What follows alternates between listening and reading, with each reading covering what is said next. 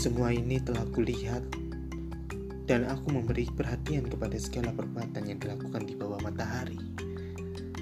Ketika orang yang satu menguasai orang yang lain hingga ia celaka.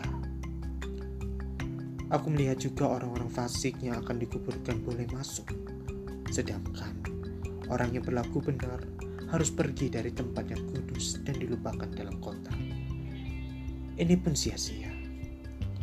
Oleh karena hukuman terhadap perbuatan jahat tidak segera dilaksanakan, maka hati manusia penuh niat untuk berbuat jahat. Walaupun orang yang berdosa dan yang berbuat jahat seratus kali hidup lama. Namun aku tahu bahwa orang yang takut akan Allah akan beroleh kebahagiaan sebab mereka takut terhadap hadiratnya. Tetapi orang yang fasik tidak akan beroleh kebahagiaan dan seperti bayang-bayang ia tidak akan panjang umur karena ia tidak takut terhadap hadirat Allah. Ada suatu kesia-siaan yang terjadi di atas bumi.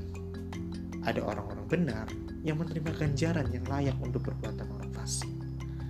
Dan ada orang-orang fasik yang menerima pahala yang layak untuk perbuatan orang benar. Aku berkata, ini pun sia-sia. Oleh sebab itu, aku memuji kesukaan. Karena tak ada kebahagiaan lain bagi manusia di bawah matahari, kecuali makan dan minum yang bersukaria.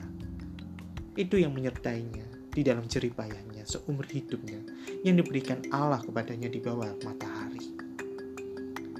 Ketika aku memberi perhatianku untuk memahami hikmah dan melihat kegiatan yang dilakukan orang di dunia tanpa mengantuk siang malam, maka nyatalah kepadaku bahwa manusia tidak dapat menyelami segala pekerjaan Allah yang dilakukannya di bawah matahari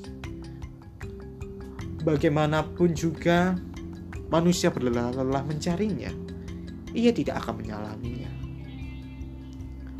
Walaupun orang yang berhikmat mengatakan bahwa ia mengetahuinya, namun ia tidak dapat menyelaminya.